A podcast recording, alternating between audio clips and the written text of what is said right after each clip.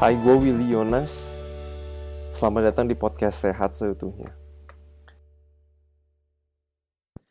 Lu tahu gak sih kalau bulan Oktober itu ternyata adalah Breast Cancer Awareness Month. Jadi di bulan Oktober ini adalah bulan di mana awareness atau kesadaran mengenai breast cancer atau kanker payudara ini sedang di diumumkan atau sedang digencarkan khususnya di luar negeri. Nah, menarik sekali jadi di podcast kali ini dan beberapa podcast ke depan kita itu akan membahas mengenai kanker payudara. So, buat kalian yang perempuan wajib denger ini dan kalau kalian udah denger nanti bagiin juga ke teman-teman yang lain, ke teman-teman perempuan. Tapi bukan hanya perempuan, kalau laki-laki, kalau lu care sama pacar lu, kalau lu care sama um, istri lu lu juga bakal denger podcast ini karena ini akan bantu mereka untuk hidup lebih sehat seutuhnya. Oke, gue mau baca nih ya statistik um, kanker di Indonesia. Ini gue ambil sumbernya dari websitenya Departemen Kesehatan Indonesia. Di Indonesia, kalau di perempuan kanker payudara itu adalah kanker yang prevalensinya paling tinggi, yaitu kanker payudara ini terjadi 42,1 per 100 ribu penduduk dengan rata-rata kematian 17 per 100 ribu penduduk yang diikuti kanker leher rahim atau kanker serviks sebesar 23,4 per 100 ribu dengan rata-rata kematian 13,9 per 100 ribu penduduk. Jadi di Indonesia yang paling prevalensinya paling tinggi di antara perempuan tuh kanker payudara. Ya, makanya kenapa kita mau ngomongin um, soal kanker payudara di bulan Oktober. Nah, yang menarik juga, tahu nggak sih menurut researchnya kalau ada yang mau bukti researchnya boleh hubungin kami sehat seutuhnya secara langsung. Tapi ternyata apakah kanker itu sebenarnya genetik atau masalah lifestyle kita atau gaya hidup kita? Nah, menurut research, kanker itu hanya 5% dipengaruhi oleh genetik. Dan 95% itu dipengaruhi oleh lingkungan. Nah, apa sih ini lingkungan? Di dari 95% lingkungan itu 30 sampai 35 persennya itu adalah dari pola makan kita. Dari apa yang kita masukin ke mulut kita. 30 sampai 35 persen itu dari pola makan. Nah kalau kita ngerokok, itu juga naikin resiko 20 sampai 30 persen. Kalau kita obesitas, kelebihan berat badan, itu juga naikin resiko 10 sampai 20 persen. Terus kalau lu minum alkohol, ya lu naikin resiko 4 sampai 6 persen. Dan yang terakhir itu infeksi 15 sampai 20%. Ternyata beberapa virus juga bisa menghasilkan kanker di tubuh kita. Menarik juga. Jadi kalau misalnya lu mau nggak kena infeksi, mau nggak kena virus, lu juga harus punya daya tahan yang daya tahan tubuh yang kuat. Itu berarti lu harus tidur cukup, nggak begadang. Lu juga olahraga dan yang lainnya.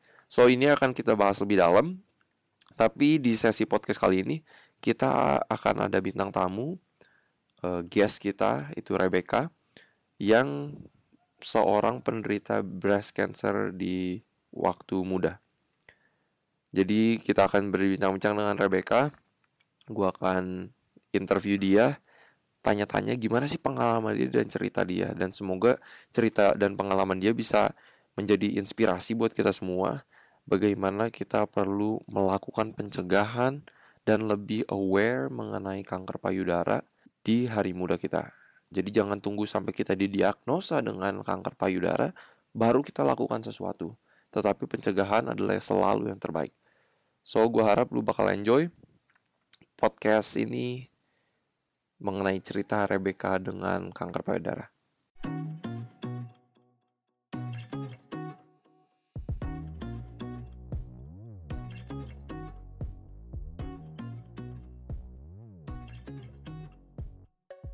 Alright, selamat datang lagi di podcast Sehat Seutuhnya. perkenalin gua Will Yonas, host dari podcast Sehat Seutuhnya. Nah, di podcast kali ini kita kedatangan bintang tamu yang spesial banget. Namanya Rebecca. Hai Willy.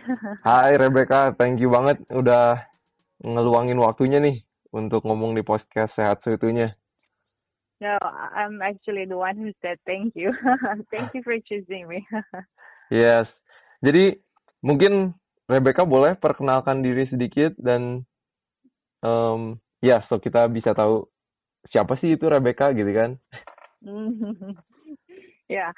so uh, buat teman-teman yang lagi dengerin podcast itunya, uh, hello, nama saya Rebecca.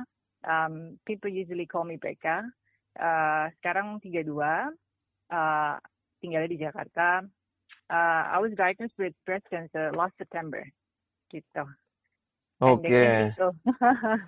Gitu. iya nih, jadi di podcast kali ini kita itu lagi ngomongin soal breast cancer awareness karena bulan Oktober itu ternyata breast cancer awareness month ya.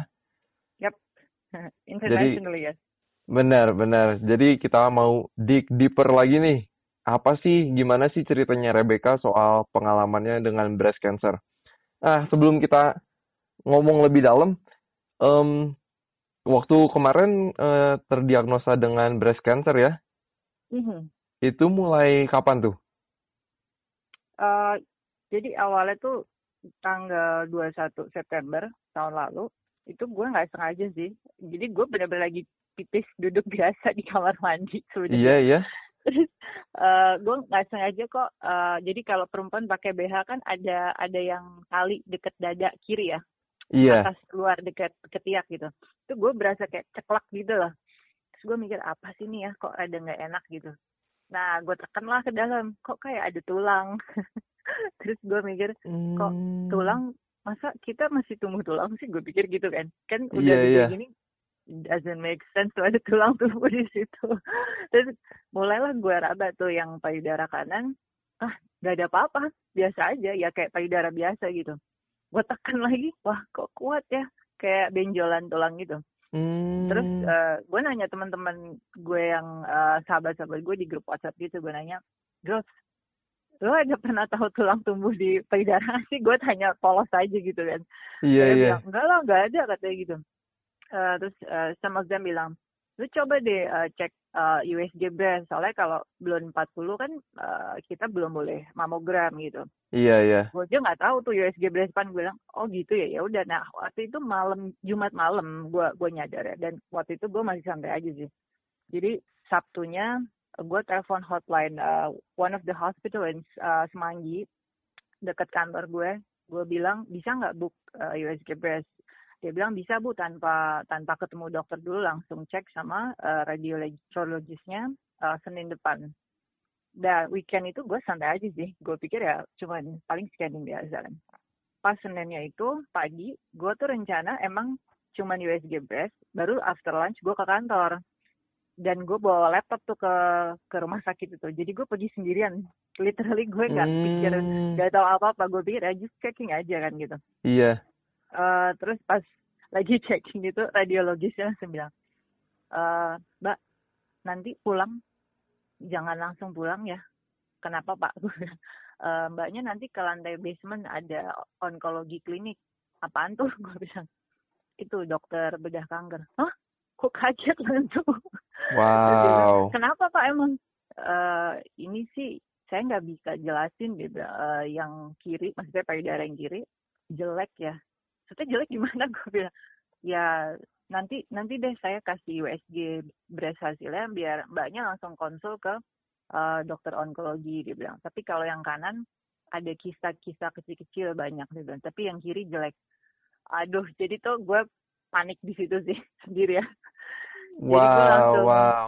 keluar terus gue turun ke administration bawah. Waktu itu kan lantai 20 something tuh dia USG breast ya gue okay. ke basement bawah gue tanya mbak onkologi yang uh, praktek hari ini yang ter, ter pertama ya yang tercepat jam berapa? Kata mereka jam 4 jadi gue nggak ke kantor uh, eh, gue izin waktu itu terus gue buka laptop tuh gue nunggu di rumah sakit itu kan. Gue pikir udah deh gue otak gue udah panik sih waktu itu. Iya iya iya. Jadi uh, itu itu pelajaran pertama kayaknya ya teman-teman.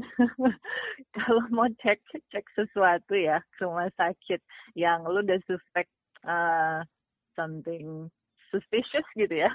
Lu jangan pergi sendirian.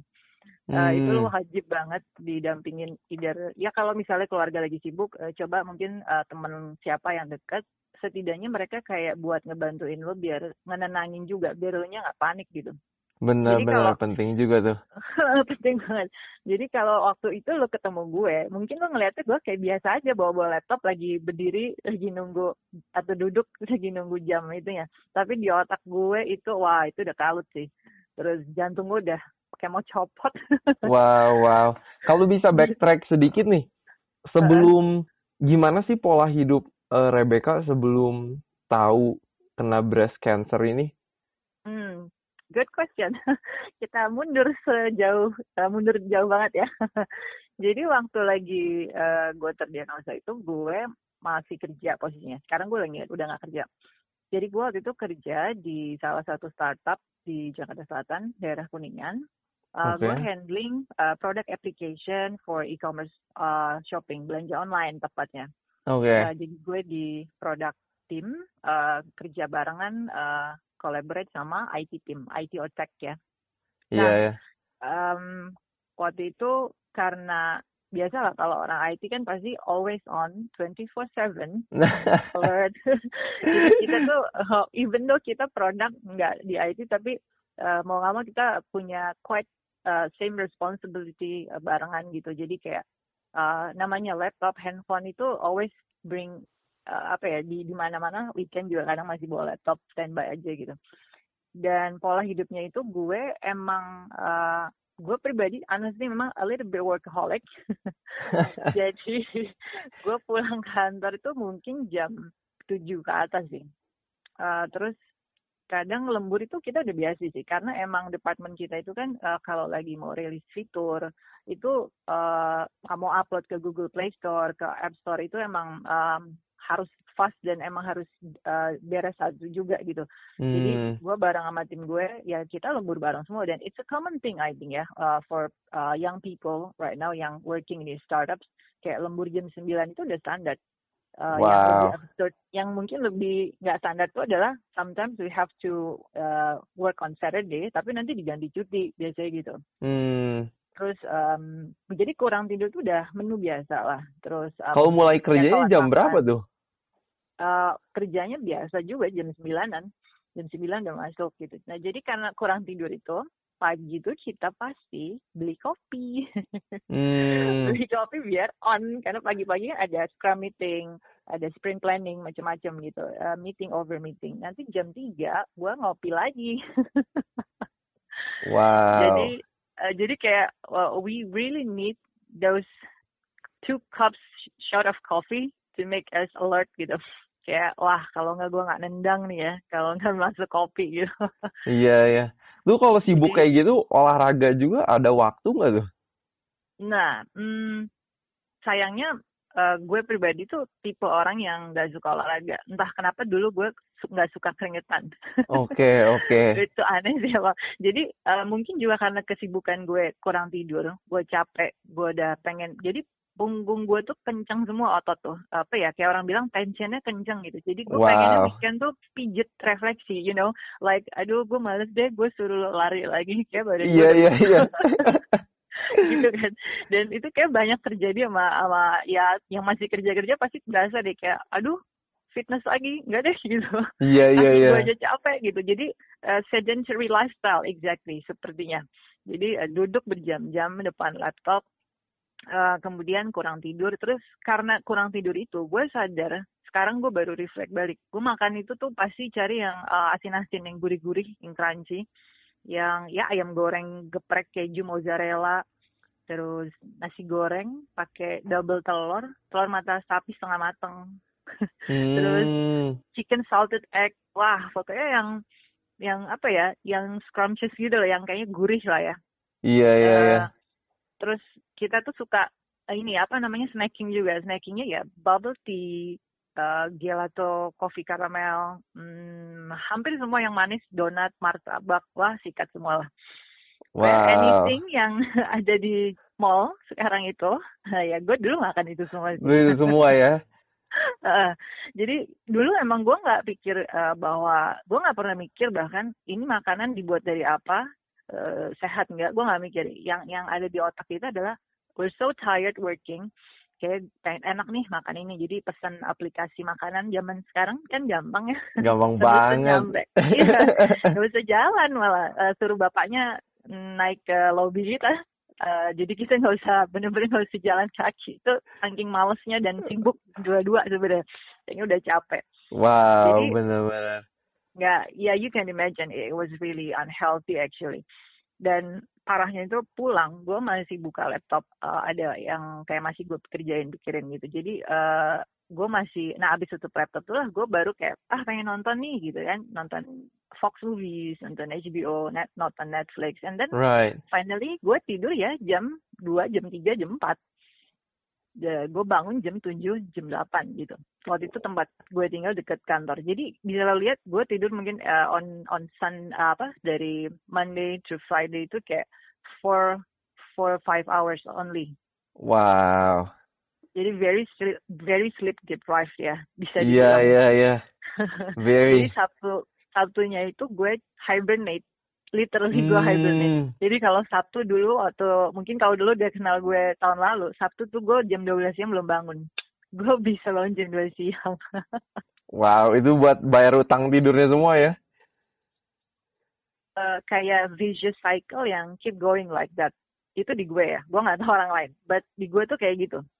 I Jadi eh, jadi jangankan suruh ajak olahraga, gue merasa kayak, aduh Sabtu justru gue mau relax, Minggu juga gue mau relax kayak gitu. Wow. Nah, terus oh itu lifestyle-nya tuh sebelumnya terus akhirnya eh terdiagnosa dengan breast cancer. Setelah didiagnosa dengan breast cancer gimana tuh? Lupa. Ah, jadi itu kan baru yang gue makan, yang gue gimana gue tidur dan gimana gue gerak. Nah, gue baru ngeh sekarang ah, tension yang kita rasain stress at our office ah, atau stress in our life kan banyak ya. Yang namanya stress kan orang Right. hidup gak bisa dihindarin ya. Iya benar Uh, many banget. people kita nggak bisa kontrol gimana mereka ke kita gitu. Nah, gue tuh baru baru ngeh bahwa gue tuh tidak membereskan stres yang gue tumpuk, tapi gue kayak simpen tendang ke bawah ke alam bawah sadar gue, Hmm. pikiran bawah sadar ya, subconscious mind. Jadi dia kayak numpuk. Jadi So setiap true. stres tuh gue kayak ya kan so true. Jadi kalau udah stres gitu sama urusan kantor kita habis lembur, gue sama teman-teman kantor kayak yuk kita nonton yuk gitu. Nah jadi gue pikir dengan gue cuman just go to movies eh, ke bioskop nonton ketawa dan ya udah ntar juga paling hilang kayak gitu jadi eh, gue nggak ada manajemen stres sama sekali bahkan gue Hmm. pikir ya I, I don't need that gitu gue pikir ah, udahlah mikirin lagi aja gue udah males gitu gimana suruh manage stres itu sendiri gitu Iya, iya, iya. jadi Bener di di situ gue baru baru sadar sekarang bahwa I was chronically stressed and I was chronically um, apa ya deep sleep deprived and chronic inflammation. Jadi Hmm. those combination ya chronic inflammation semua contribute gitu.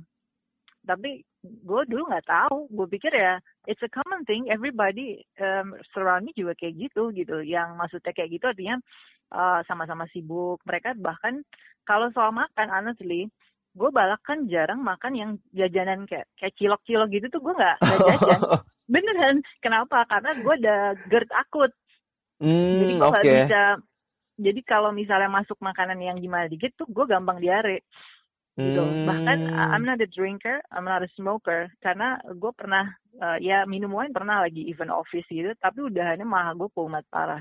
Jadi uh, I, I try to avoid that gitu. I see, I see. makanya uh, waktu gue terdiagnosa itu most of my colleagues was quite a shock karena menurut mereka makanan gue tuh cukup bersih dan mereka merasa gila. Kayak gue aja dulu tuh clean eating catering. You know clean eating yang sekarang beredar kan uh, kayak apa namanya nggak pakai GMO pakai Iya, iya, iya. gorengnya coconut ya yang kayak gitu kan. Nah, grilled Right. salmon uh, grilled chicken breast. Harusnya kan menurut mereka kayak itu kan dia makannya udah bersih gila. Cateringannya mahal yang kayak gitu-gitu gitu. Iya, iya, iya. So, so at that time, um, all of them quite shocked gitu kayak, how come kok dia bisa terdiagnosa breast cancer? Padahal Hmm. many people surround me, kalau kita ngomong uh, lifestyle, itu banyak mungkin yang makannya lebih nggak sehat. Yang worse ya? dulu. Yes, yes, uh, correct. Lebih worse. Bahkan mungkin uh, banyak yang di samping gue, mereka perokok dan mungkin minum kopinya lebih banyak dari gue. Tapi Right. mereka nggak nggak ada diagnosa cancer. So most of them shock banget emang uh, waktu tahu itu ceritanya kayak gitu. Wow, wow. Terus gimana tuh udah akhirnya ketemu oncologist di basement eh, hospital? Aha. Jadi uh, the first oncologist I met, um, dia ceramahin gue 45 tahun, eh 45 45 menit sorry, 45 menit bahas uh, all the methods um, yang dia kasih untuk tipe-tipe surgery yang dia sarankan. Hmm. Uh, dia nggak ngomong itu langsung it's cancer. Dia pakai bahasanya uh, BK ini tipenya infiltrasi, tipenya invasif ke dalam. Jadi saya saranin kamu operasi minggu ini sebelum dia menyebar ke yang kanan, dia bilang gitu.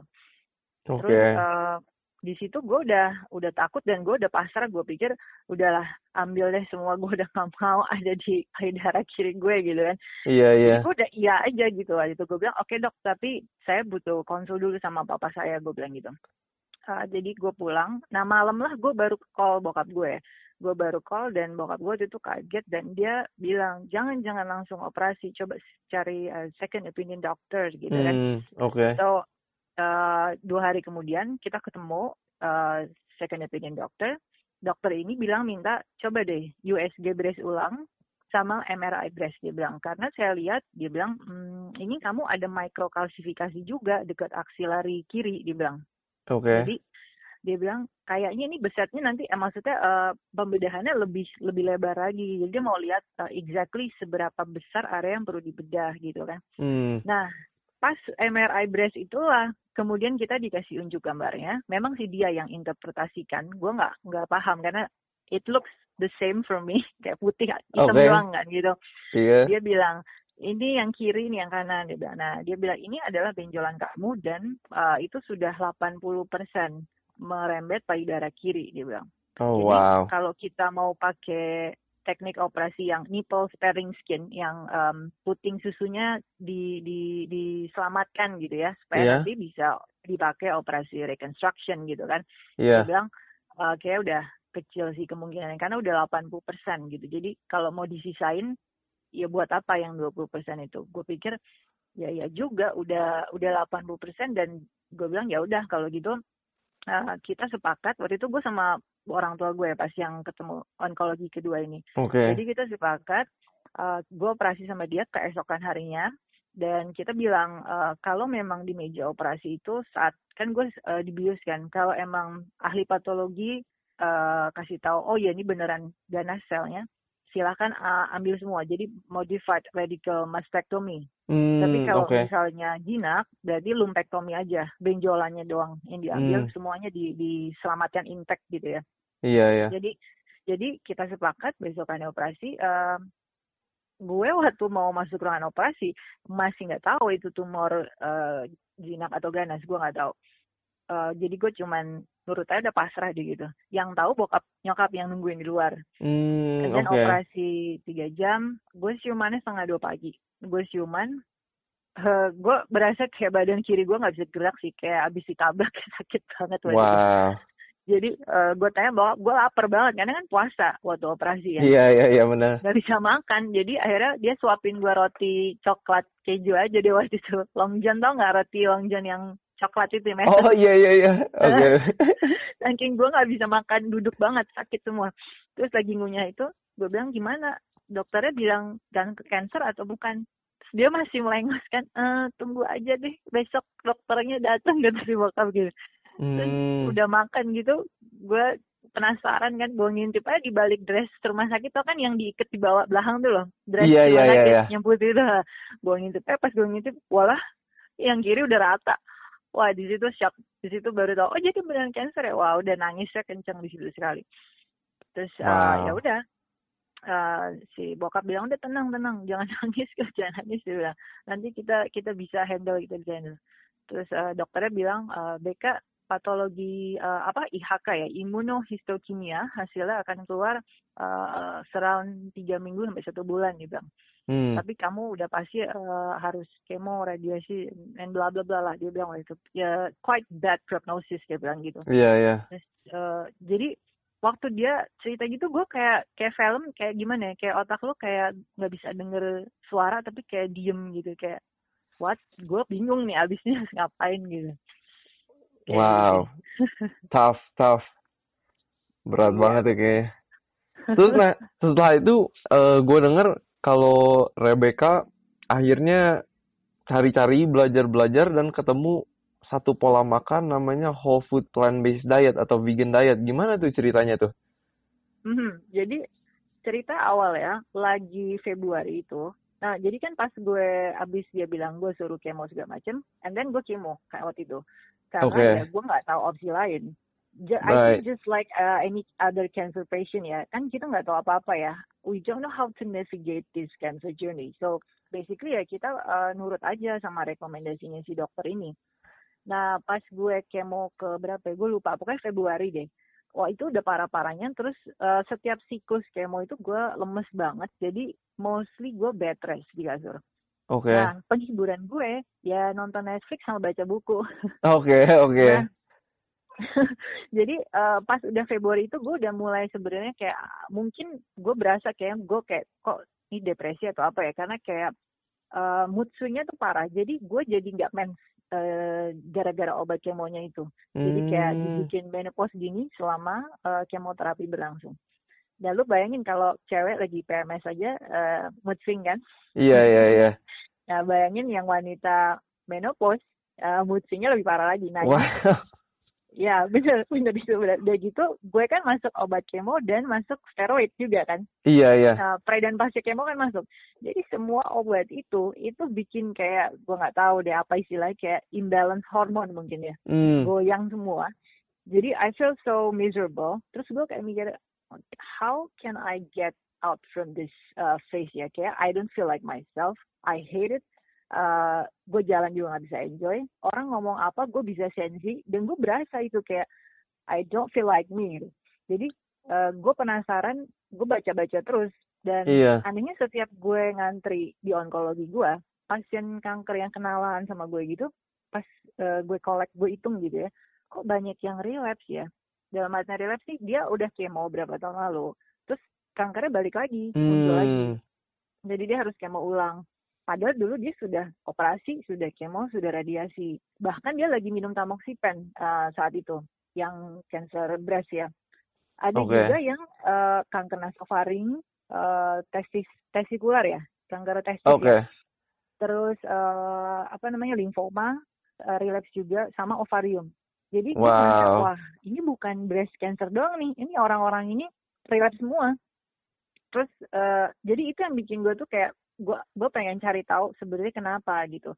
Makanya Iya, gue iya. baca buku terus gitu walaupun gue lemas cuman otak gue kayak nggak bisa diem gitu. Karena gue penasaran kayak gue jadi bertanya-tanya kan bener nggak sih ini metode yang gue ambil jangan-jangan nggak nggak bisa cegah relapse kan waduh what a waste gitu ya. Iya, iya, iya. So, so gue gue keep uh, buy books. Um, nah, salah satu buku pertama yang bikin gue melek itu adalah The Chinese Study. Uh, pernah denger kan The Chinese Study? Iya, ditulis oleh Colin Campbell ya. Yep, correct. Itu buku dahsyat emang. itu buku bener-bener bikin gue melek dan gue langsung, oh my god, since I was a baby, I love cow's milk. Same Gila, here. iya. Jadi gue inget gue tanya orang tua gue kan. Jadi abis ASI, rupanya gue inget gue tuh suka ngedot susu tuh sampai gue usia kayak 4-5 tahun. Can you imagine that? Susu formula gue tuh lama banget. minumnya dulu. Wow. Gue doyan, gue kuat banget susu. Kata kata nyokap gue dulu kayak gue tuh kayak gendut banget jadi sampai dokternya bilang udah bu ini bisa obesitas jadi dikurangin susunya saking suka susu sapi dulu bayangin Iya, iya, iya. gitu gedenya kita makan eh, apa minum kopi. Eh gue biasa order kan caramel frappuccino plus organic skim milk. Jadi Hmm. gila dan gue bisa minum itu dua kali sehari. Wah gila abis baca di China Study itu gue kayak oh my god no wonder lah ya. Jadi gue kayak waduh ini semua yang gue makan protein hewani ternyata dites di lab eh, sama Dr. Colin Campbell, eh Profesor Colin Campbell it is one of the factors that causing um, tumor promotion and metastasis gitu. Benar, benar. Dan aduh itu shock banget. Jadi dari situlah gue sharing uh, yang gue temuin ini ke orang tua gue. Mereka juga kaget waktu itu. Masa sih kata mereka yang bener gini-gini. Ah karena gue nggak puas beli buku dia, gue keep buying uh, another books. Jadi dari situ gue baca buku lain lah. Ada How Not to Die, Dr. Oke. Greger. Iya, belum baca juga? Iya, iya, iya. banget tuh dia. Banget. And then um, Anti-Cancer Living, uh, pernah dengar ya? Dr. David Serfin. Belum pernah dengar tuh. David Serfin siapa? Jadi dia uh, profesor psychiatry, dia terdiagnosanya itu brain cancer. Uh, Hmm. kemudian dia bikin bukunya namanya Anti-Cancer A New Way of Life. Nah, dia kasih tahu itu, dia ceritain juga. Dia juga sempat cerita eh, tadinya dia didiagnosa kayak wah nggak lama lagi tuh mungkin hidupnya berakhir tapi dia bisa survive another 15 years kalau nggak salah setelah Wow. dia ubah gaya hidup ya. Nah dari buku dia itu kemudian gue beli buku lain. Em, pernah denger ini nggak? Bukunya namanya Undo It. Oke, Dr. Dean Dean Ornish. Yes. Kebetulan pernah ketemu kemarin di Amerika. Wow. Amazing. Oh, wow. Oh, wow. Keren banget lu bisa ketemu. Wow. I can imagine gimana tuh rasanya ketemu dia. amazing, amazing. Oke ya. So, so waktu baca buku Dr. Dean Ornish kan buku di bukunya Andu itu nggak ada grafik eh, penelitian dia kan. So Hmm. what I did at that time adalah gue googling, terus gue download beneran jurnal penelitian dia supaya bisa lihat grafiknya. Uh, Right. yang apa namanya up dia bisa uh, gen yang pro cancer prostate cancer nah turun dan gen yang uh, suppress tumor growth-nya naik gitu. Hmm. Terus uh, gue kasih unjuk ke bokap lihat nih ini ini contoh dia bikin uh, case di prostate cancer gennya aja bisa dirubah uh, gara-gara plant based diet gue bilang. Right. Terus um, yang uh, menarik tuh yang grafik ini loh yang dia kasih unjuk uh, apoptosisnya naik, terus um, apa namanya proliferationnya turun kan, begitu Benar, plant-based benar. kan, gitu. Jadi uh, I have to uh, like educate my my parents proliferatif itu apa, Iya, iya, iya. belahan diri sel kayak gitu-gitu itu kan bahasa agak ilmiah kan, jadi kayak gue aja waktu baca kayak ini apa ya proliferatif Iya, iya, harus nge-google dulu. anti-angiogenesis iya jadi kayak harus belajar biologi ulang belajar sains deh jadi mau Iya, iya, benar-benar. but dia punya uh, penelitian tuh benar-benar satu satu harapan rock solid science I think ya bahwa Hmm. actually kita pikirnya selama ini uh, breast cancer or any kind of cancer itu like genetic most people thinking like oh kalau opa oma lo dulu uh, meninggalnya cancer mungkin kita juga akan sama gitu kan jadi kayak Iya, iya. di- diwarisin gitu. But what Dr. Dean Ornish uh, did, actually dia menunjukkan bahwa uh, because science udah udah nemuin bahwa only life to eh, only 5 to 10% cancer yang genetic. The rest Right. 90 to 95 itu kankernya adalah lifestyle. Gila nggak? Benar, Gue benar kayak banget. shock kayak oh my god. So my old lifestyle actually killing me. Bottom line kan gitu. Right, right. gitu jadi eh, berarti kenapa kenapa kita terus di, disuguhin dengan menu yang sama untuk pengobatannya yaitu menunya sama kan eh, Hmm. chemo radiation and hormonal therapy gitu when in fact uh, the cause is not that. The cause is our lifestyle. So we if we can get the root cause ya berarti kan bisa di reverse kan? Benar, benar banget. gitu. Jadi itu simple mind setting uh, common sense yang nggak common kayaknya. Benar.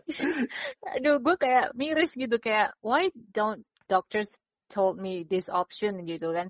Dan itu yang yang gue ngerasa tuh kesel itu waktu itu. Kayak gila kok kok kita nggak tahu ya gitu. Kok kita cuma dikasih taunya ya harus kemo udah kalau nggak kemo nanti kankernya kambuh loh macam jadi kan kalau pasien ya diomongin gitu kan takut dong ya nggak Wil? Benar, benar. kayak waduh gue bentar lagi mati nih kalau gue nggak kemo gitu kan mau nggak mau belum lagi ya gue perhatikan eh, keluarga besar pasien itu pengaruh sekali dalam artian gini em, ketika misalnya gue nih eh, gue sadar oke I I found a new hope gitu ya eh, lifestyle medicine can Benar, benar. But if my family and then uh, everybody surrounding keep um, talking to me like udahlah kemo aja. Kan itu kan nggak mungkin makan kan lama gitu ya. Iya, iya, nanti iya. siapa mau tanggung kalau kalau kankernya kambuh? Coba diomongin gitu kan jadi down dong pastinya. Benar, Jadi benar. kayak pasrah. Ya udahlah, maybe um, parentsnya mereka bilang udahlah kemo aja atau their husband or their wife or ya semua pada bilang udahlah mami kemo aja. Mau nggak mau dia mungkin lakukan itu for the sake of their family actually. Iya, iya, iya. Nah, dalam case ini makanya gue educate my parents biar mereka tuh onboarding uh, with with my vision gitu dengan Hmm. dengan yang gue pengen. Jadi uh, I don't face any struggle karena ya mereka juga sama shocknya waktu tahu uh, fakta-fakta ini gitu. But the good point adalah uh, my dad open untuk uh, argument ya. Artinya dia minta kayak mana lihat grafiknya. Uh, gue kasih unjuk uh, apa grafiknya beneran gue gue taruh di laptop terus laptopnya gue sambungin ke TV jadi kan enak tuh lihatnya gede Iya, iya, iya. karena kalau gue bilang ya udah nih Pi baca aja. Nah kan most parents eh, nggak fluent in English kan. Jadi kayak aduh Hmm. bukunya aja udah tebel malah baca. Kayak udah kamu aja yang baca ya. Terus jelasin ke kita. Jadi mau nggak mau lah eh, gue jerumusin diri gue dalam tumpukan buku. Because I don't Hmm. see anyway uh, any gimana cara ngejelasin ke orang ya nggak? Iya, iya, iya. ya gue baca. Nggak nggak ada jalan lain gitu. Dan sejak itu akhirnya uh, gue bilang bokap oh satu buku lagi adalah Radical Remission itu yang tulis Profesor Kelly Turner pernah dengar nggak Itu belum, belum pernah dengar tuh. ah jadi dia dokter integratif oncology Uh, bedanya dia nggak nggak conduct um, penelitian kayak dokter Dean Ornish tapi dia menginterview more than 1,500 survivor yang achieve spontaneous or radical remission ketika Hmm. Kemo dan radiasi sudah nggak mempan dan dokter kirim rumah kayak kirim pulang ke rumah just ya you you will die in within one month or one week gitu ya. Right. or ada yang mereka tuh uh, udah operasi and then they opt out from chemo and radiation dia nggak mau. Ada yang nggak mau dan ada yang ternyata nggak kuat dengan toxic dari obat kemo. Jadi uh, mereka nggak bisa kemo juga. Nah mereka semua itu achieve uh, spontaneous or radical remission nomor satu mereka memang semua mereka ubah gaya hidup but the first thing they they did adalah they eat plant based diet di bukunya ada Hmm. So gue makin makin yakin bahwa even though at that time di Jakarta gue nggak ketemu sampai hari ini pun gue belum ketemu uh, another patient yang did the same thing like me. Hmm. Uh, I mean changing all uh, factors in our lifestyle ya. Nah di buku itu gue jadi merasa kayak okay I'm not alone actually gitu. Right. Uh, many people out there in Japan, in UK, in US, in New Zealand dan gue Google nama mereka masih hidup sampai hari ini. Terus gimana tuh pas Gitu. mulai transisinya ke plant-based diet? Apa cold turkey langsung berubah besoknya hari itu juga atau gimana tuh? Yap. Jadi pas eh, transisinya waktu akhir Februari, pas baca yang di Chinese tadi, langsung stop makan protein hewani semuanya. Malam itu juga. Wow. Cara gantinya ya gue makan gado-gado waktu itu. Oke, oke. Gado-gado. Jadi kan eh, gue kan nggak bisa masak dulu kan. Eh, Aha. Jadi mau nggak mau, udahlah gado-gado ketoprak, gado-gado ketoprak, karedok. Wah udah cari itu aja dulu lah. Sayur yang gampang dulu. Yang penting sayur Benar, gue benar. mau makan daging udah pokoknya gue hindarin Uh, baru gue base uh, certified nutritionist penting banget untuk consult sama dokter nutritionist yang vegan supaya uh, ada pemeriksaan darah dan dan lu juga tahu jadi dia ini pasien ini ada penyakit apa di dalam badannya gitu kan. Karena uh, kayak gue waktu itu kan habis kemo ya. Nah orang habis kemo itu semua hampir bisa dibilang liver function and ginjalnya itu drop gara-gara uh, kena apa namanya obat kemo. Dan Hmm. usus gue juga kan dibantai sama antibiotik. Jadi semua Wow. bakteri baik dan jahatnya sikat semua. Karena gue muntah parah diare semua waktu lagi kemo. Jadi uh, si plant based nutritionist ini namanya Max Mendies uh, dia minta gue cek darah dulu sebelumnya sebelum ketemu dia jadi gue suka cek tuh kayak di lab yang lab darah yang independen tuh kan yang kuning kuning itu Oke, oke. Nah itulah ya pokoknya sih itu. Nah jadi cek aja ke situ, bilang Mbak saya mau cek hematologi lengkap, eh, SPGOT apa ya tuh yang ginjal liver sama gula darah kalau gue waktu itu. Jadi eh, itu cukup basic sih gue rasa untuk ngelihat aja ada ada anomali nggak di situ. Nah Hmm. waktu gue mulai transisi ke plant based itu eh, tadinya tuh ya lagi kemo itu kan emang obat kemo naturally akan bikin leukosit sel darah putih itu drop dan Iya, setiap benar. pre dan pasca itu gue harus suntik leukogen untuk naikin. Kalau nggak back to normal, dokternya nggak akan kasih gue kemo. Jadilah Hmm. gue disuntik uh, leukogen namanya, penaik uh, sel darah putih.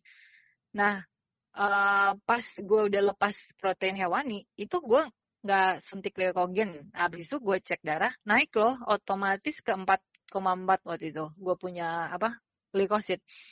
Jadi Oke. kalau nggak salah ambang batasnya di reportnya itu dia 4 kalau nggak salah. Jadi Hmm. gue udah naik 4,4 so udah back to normal gitu. Dan di- itu sebenarnya satu eksperimen pertama di situ gue sadar, oh actually our body is capable for self healing mechanism ya Hmm, sebenarnya benar-benar. asal eh, dikasih dengan nutrisi yang tepat gitu. Gitu. Jadi akhirnya gue transisi eh, di bawah eh, guidance si Max, dia kasih gue protokol diet anti kanker untuk naikin semua HB gue, platelets gue drop semua kalau waktu itu Hmm. nggak cuma leukosit aja.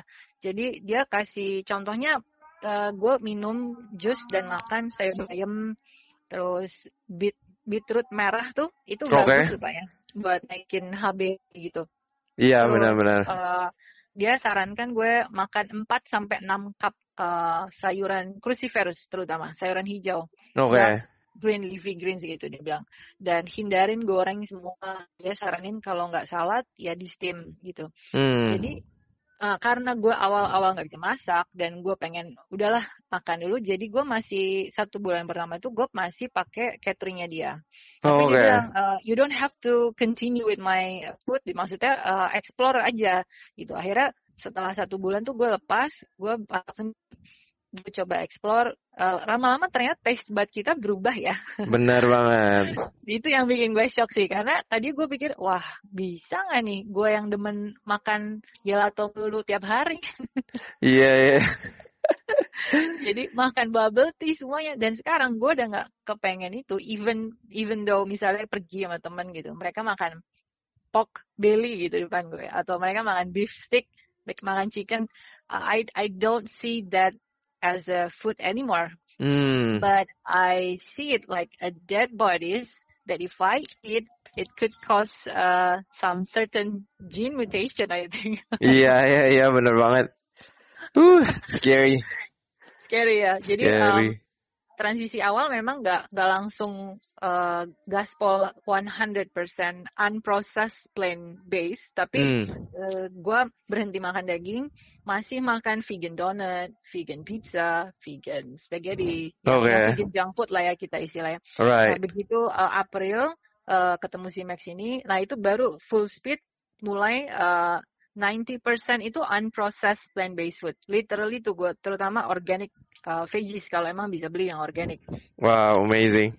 Jadi uh, dia dia push pokoknya kalau bisa uh, jangan hindarin semuanya karena itu ke, ke ini kan contribute to inflammation.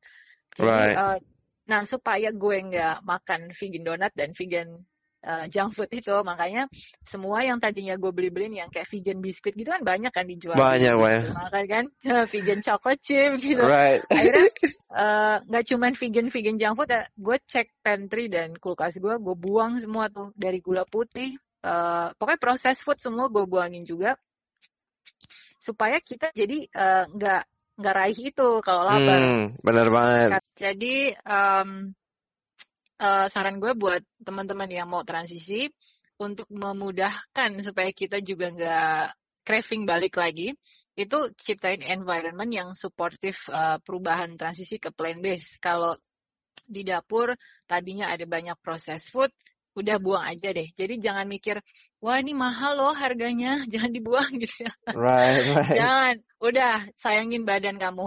Badanmu jauh lebih mahal kalau udah sakit kemasukan makanan yang nggak sehat. Jadi Benar. buang. Jadi gue waktu itu buang berapa banyak? Wah itu jutaan kali kalau ditotal. gue Wow. buangin langsung. Bokap gue kaget. Loh, kok yang semua dirak? Sampai kecap-kecap gitu yang yang udah gue nggak tahu isinya apa nih. Gue bilang asam nitrit something yang nggak jelas gitu yang yang ingredientsnya tuh nggak bisa baca. Udah gak bisa baca. ngerti, ya kan? Kayak "Ini bahasa apa gitu. Jadi kan ini makanan bukan ya gitu kan Iya, iya benar. udahlah buang-buang aja semua. Jadi it's not only um, animal protein actually processed food, uh, junk food, biskuit-biskuit gitu udah buang aja. Nah, habis itu itu penting banget diisi dengan yang uh, segar-segar. Makanya gue selalu stok buah tuh banyak banget di kulkas. Hmm. Karena uh, gue kan sweet tooth ya, demen demen uh, snacking manis gitu. right. Jadi kalau emang karena gue lagi mau reverse waktu itu mau pemulihan, jadi abis kemo uh, bahkan coklat pun coklat vegan pun gue nggak makan waktu itu karena gue pengen semuanya yang sifatnya tuh dia utuh dari dari apa ditanam Senatural gitu. mungkin ya. Yes, yes, correct. Senatural mungkin. Jadi yang namanya buah mangga, melon orange, semangka, uh, jeruk, uh, apel itu ada ada semua. Itu basic needs nanas itu pasti ada. Nggak pernah nggak ada tiap hari ada sekarang. Hmm. Yang uh, makanlah kayak rainbow veggies warnanya gitu. Hmm. Jadi Warna-warni Uh, kan piring kita betul, harusnya. Benar banget. Karena kan prevention again uh, kita kan nggak tahu ya. Uh, amit-amit semoga tidak terdiagnosa kanker. Amin, Tapi- amin. Uh, makanya itulah pentingnya prevention uh, makan semua sayur-sayuran warna-warni gitu. Nah dari dari baca itu makanya uh, gue incorporate di semua makanan gue entah siang sore malam tuh pasti ada cruciferous veggies, uh, pasti ada anti-cancer berries buah-buah itu, Right. terus kacang itu uh, gue inget kok nggak salah nomor satu tuh walnut ternyata. Hmm. Uh, walnut nomor dua itu pecans, kacang pecan Oke. pecan ikan sih gue lupa sebutannya apa sama ketiga tuh peanut ya kayak peanut butter gitu keempat kacang almond Oke. jadi nah itu kacang kacang walnut kan pahit banget ya Iya, iya, iya. gue kalau suruh makan sendiri sih nggak mau deh itu Nah. jadi akalinnya itu kalau gue sih eh, gue biasanya bikin kayak soya soy milk gue kasih dates satu kan manis kalau dikasih air Aha. panas tuh Abis itu gue campur ke muesli. Kalau nggak ada muesli ya granola. Eh abis itu gue tuang lah tuh si blueberry di situ sama Hmm, cranberry. oke. Jadi kan eh, rasanya manis-manis seger asem dan si walnutnya pahitnya jadi sama sekali nggak berasa. Oke, oke. Eh, jadi tuh trik gue sih maksudnya untuk supaya eh, goalnya masuk dulu lah eh, si walnut dan si Benar. blueberry ini. Karena emang blackberry tuh kalau gue sih lidah gue nggak tahan ya asem banget gitu kalau makan. gue nggak tahan. Jadi eh, caranya gue gue mix kayak gitu. Tapi Hmm. kalau yang bisa makan gado blackberry sendiri, wah lebih bagus lah. Makan aja. Wah, keren, keren. Lu kok Gitu. setelah transisi em, ke whole food plant-based diet, eh, gimana nih kondisi BK sekarang dan kondisi keluarga? Apakah keluarga jadi ikut plant-based dan kesehatannya gimana tuh? Hmm, ya ini menarik. Jadi eh, dari pengalaman gue, kalau kita tinggal eh, serumah, misalnya tidak tidak plant based juga orang lain, eh, itu challenging menurut gue. Hmm, Jadi saran gue memang orang-orang di sekeliling kita itu kita edukasi bersama. Kuncinya satu itu, kuncinya di edukasi sih, supaya benar-benar. Mereka on board bareng sama kita.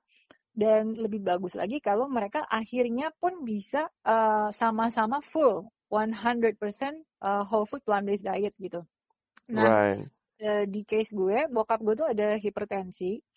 Jadi eh, dia dulu minum amlodipin mulu setiap hari harus. Eh, darahnya tuh kalau nggak salah dulu 168, 147, Wow, quite high. 144. Iya, soalnya dia juga makannya kan eh, ini asin-asin dan gorengan semua, ayam semua gitu-gitu Oke. kan. Eh, terus eh, setelah gue educate ini, eh, dan gue kasih dia nonton What the Health juga. Oke, itu Eh, direkomendasi banget. Banget, banget ya. Sama Cowspiracy. Wah, nonton itu. Yes. Jadi begitu mereka nonton itu dan melihat gimana si ayam itu dibantai. Aduh, mereka sekarang jadi kebayang. Gak deh, gak mau. Nggak mau makan daging lagi ya? Gak, eh, dan akhirnya mereka sekarang eh, nggak perlu lagi gue edukasi mana makanan yang sehat, mana yang enggak. Dia udah tahu. Dan dia nggak akan mau sekarang kalau pergi lagi keluar, itu dia nggak mau temen-temennya makan daging ya, dia pilih sayurannya doang. Hmm. gitu pokoknya dia kekeh sayurannya doang atau dia bawa buah ke mana-mana bawa pisang kalau bokap Eh, pokoknya buat ganjel lagi macet nyetir gitu kan pasti kepengen Tips nyemil bagus gitu. tuh, ya benar. Eh, jadi pisang tuh sebenarnya paling gampang kalau yang lain kan harus dipotong ada mangkuk segala macam pisang paling Benar. gampang Murah ya lagi. taruh aja iya murah gitu jadi Terus tensi eh, papa gimana tuh? Oh ya, terus eh, waktu itu I don't have much expectation, uh, obviously. Gue cuma berharap ya udah bagus deh, eh, dia udah hidup sehat gitu. Terus dia iseng, eh, rupanya malam dia suka tensi, kan kita ada tensi alat tensinya di sini. Oke. Ternyata tensi dia sekarang sama mama gue. 112, 100. Wow, dari 160-an ke 102, Yes. 110, 112. Bener bener. Dan itu kita kaget Amazing. sampai kita fotoin buat buat record gitu kan sampai Iya, gua iya, iya. like, oh ternyata uh, dan dia transisinya bareng gua momennya sama. Jadi di momen uh, gua udah berhenti daging, uh, dia masih masih makan nyokap tuh masih makan ikan tapi waktu itu gua udah nggak makan daging nyokap masih makan ikan bokap udah berhenti makan uh, daging tapi dia masih suka yang kayak tahu goreng deep fried gitu loh. Oke, oke. ah jadi dia belum bisa tuh lepasin yang kayak gitu-gitu. Baru sekitar I think dua bulan terakhir dia oke dia udah nggak mau lagi yang deep fried banget gitu. Hmm, gitu jadi agak agak kaget ternyata. Oh ternyata eh, dia pun bisa melepaskan amlodipine sekarang amlodipine udah nggak diminum lagi wow, powerful. Hmm, itu Powerful. Dari Kalaupun makanan aja pernah- ya. Yes, eh, pernah. Dan kalaupun pernah dia agak sedikit naik, itu gue tanya, semalam tidur berapa jam, kualitas tidurnya, gue bilang.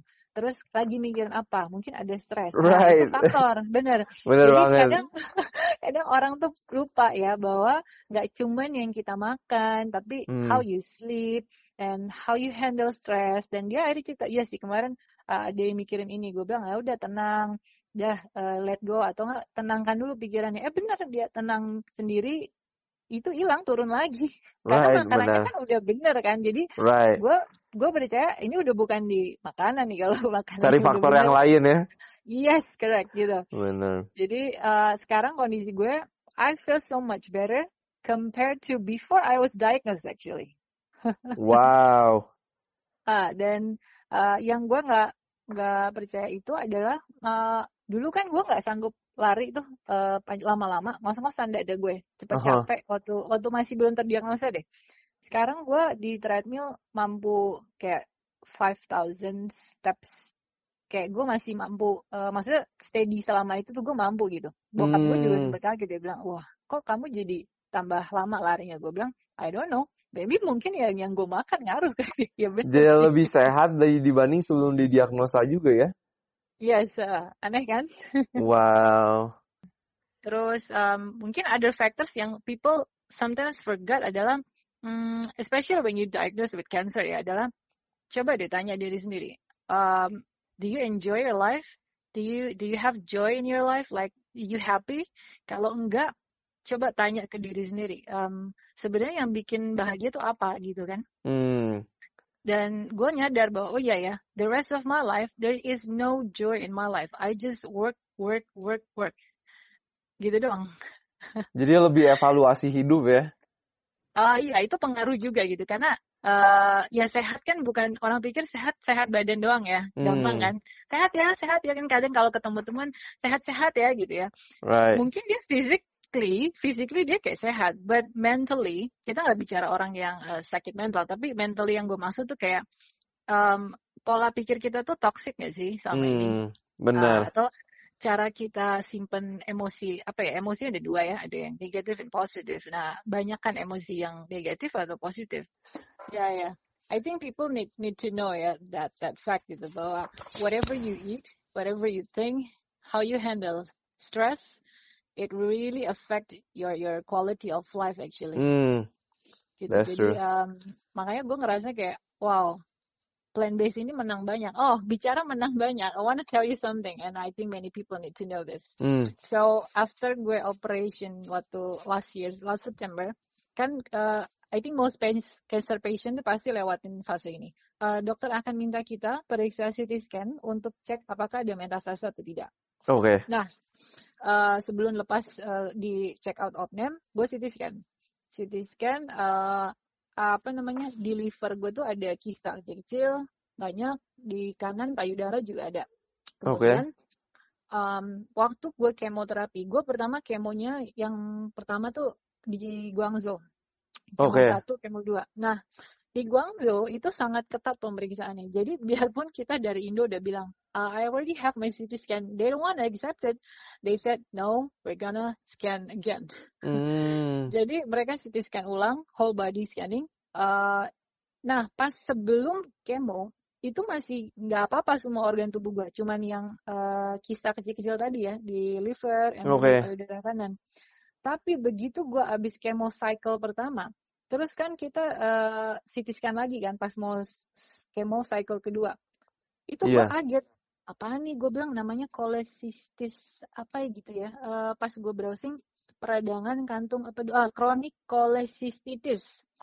Oke. Eh, peradangan kantung empedu. Ternyata eh, itu adalah akibat apa tuh eh, obat kemoterapi. Jadi rupanya mungkin kantung empedu gue tuh kayak nggak nggak kuat eh, ngefilter toksiknya gitu. Jadi Hmm. damage-nya tuh langsung ketahuan dari sekali satu kali siklus kemo bayangin. Terus ginjal Wow. gue turun semua, eh, liver gue pokoknya lab darahnya tuh merah semua titik-titik di bagian liver ginjal. Terus eh, at that time gue pikir ya udahlah di- diem aja gitu kan, I don't know what to do. Hmm. Nah pas gue transisi 100% plant based diet kan April kan. Oke. Juli, Juli tanggal 2 itu gue eh, scanning eh, USG breast sama USG abdomen seluruh. Oke. Nah, gue tanya sama dokternya, dok, eh, coba dong cek saya punya kantong empedu sama liver gitu. Dia udah scanning ulang, dia bilang, oh, jadi pertama pas lagi dia scanning, dia nggak ngomong apa-apa, dia bilang, oke, fine, good, good. Terus gue bingung kan, gue bilang, loh, bukannya gue ada banyak kisah ya sama apa chronic cholecystitis gitu kan. Iya, iya. Gue bilang, coba coba dok, mau lihat sampai layarnya tuh di, di ke samping gue ini. Enggak, enggak ada apa-apa. Maksudnya gimana gue bilang? Enggak, mesti semua sehat normal. Dia bilang, kalau kalau kisah udah pasti udah kelihatan dari USG dia bilang. Wow. Enggak, gue bilang masa sih? Iya ini nggak ada apa-apa. Akhirnya gue minta dia kertasnya kan dia tulis hepar dan apa kantong empedu tidak ada sludge atau batu semua tampak normal ukurannya. Wow, powerful. Jadi gue kaget juga padahal I did not expect that kan. I just wanna feel healthy aja. Hmm. But turns out berarti berapa tuh dari three months ya? April, May, June, July. Hmm. Ya, three months lah ya. Itu three months in plant-based diet. I can get my organs back to normal. Kira-kira Gitu. untuk closing nih kalau Hmm. apa eh, pesan yang mau disampaikan ke pendengar, apalagi khususnya para perempuan ya, untuk Hmm, hmm. eh, prevent, untuk pencegahan dari breast cancer. If you are healthy or maybe right now gak kedeteksi apa-apa, ubahlah gaya hidup sekarang juga. Jangan tunda-tunda, jangan tunda sampai tunggu ada benjolan, which is itu udah udah kebentuk tumornya gitu kan. Hmm. Jadi eh, kalau emang bisa ubah makan, ubahlah. Nah kalau yang prevention, mungkin ya ubahnya pelan-pelan deh, karena mungkin mereka nggak sanggup kalau drastis gitu ya. Hmm. Tapi again, based on my personal experiment, that will not gonna works. Kenapa? Uh, because just like a smoker who wanna quit smoke, if you keep smoking Hmm. sehari sekali, ya ujungnya lo tetap smoking kan gitu. Benar-benar. Jadi kalau yang prevention, kalau bisa ubah satu-satu dari makan, and then uh, dia ubah gaya hidup yang lain kayak jangan duduk aja mulu di kantor. Which is Yes. semua orang kerja di kantor gitu. Yes. Jadi gue baru ingat tipsnya gini sih, 30 menit sekali tuh berdiri dari kursi, Hmm. uh, either go to toilet or grab a drink or ya just keep moving gitu, baru lu duduk lagi gitu. Jadi jangan Benar-benar. jangan tiga jam lu duduk terus wah itu darahnya kan nggak jalan ya, nggak flowing. Benar. gitu. Terus um, coba regular uh, exercise, jalan kaki aja 60 menit sehari. It doesn't have to like vigorous exercise itu nggak nggak harus gitu. Hmm. Terus mungkin yang paling penting juga why do you wanna have a longer life gitu kan? Hmm. Eh, coba deh tanya ke dalam kalau emang some people maybe said, well I wanna get married next year. Well then why why why wait until you get diagnosed gitu kan? Hmm. Gitu. I, I just wanna live to see my kids gitu ya. Coba deh. Karena menurut gue underlying cause itulah yang menentukan dia makan apa, kenapa dia tidurnya begadang, kenapa dia stres gitu. Underlying cause itu yang perlu di, di, di- ditemuin gitu. Benar, dicari tahu ya. Alright, bener banget. Wow, thank you so much Rebecca for sharing Ya. di podcast Sehat Seutuhnya. Sama-sama. I'm so happy to share that. Yes, nanti so- saya benar-benar berharap ini bakal eh, jadi berkat buat orang-orang terutama Ya. eh, perempuan nih. Breast Yes. Cancer Awareness Month Correct. untuk mulai ganti lifestyle dari sejak muda dan hidup sehat dari sekarang. Yep. Dari sekarang. Jangan Dari tunggu sekarang. pas ketahuan di mamogram because itu udah terlalu besar. Benar-benar banget. ya, cegah di awal. Alright. Salam sehat. Gua Will Yonas dari podcast Sehat Seutuhnya.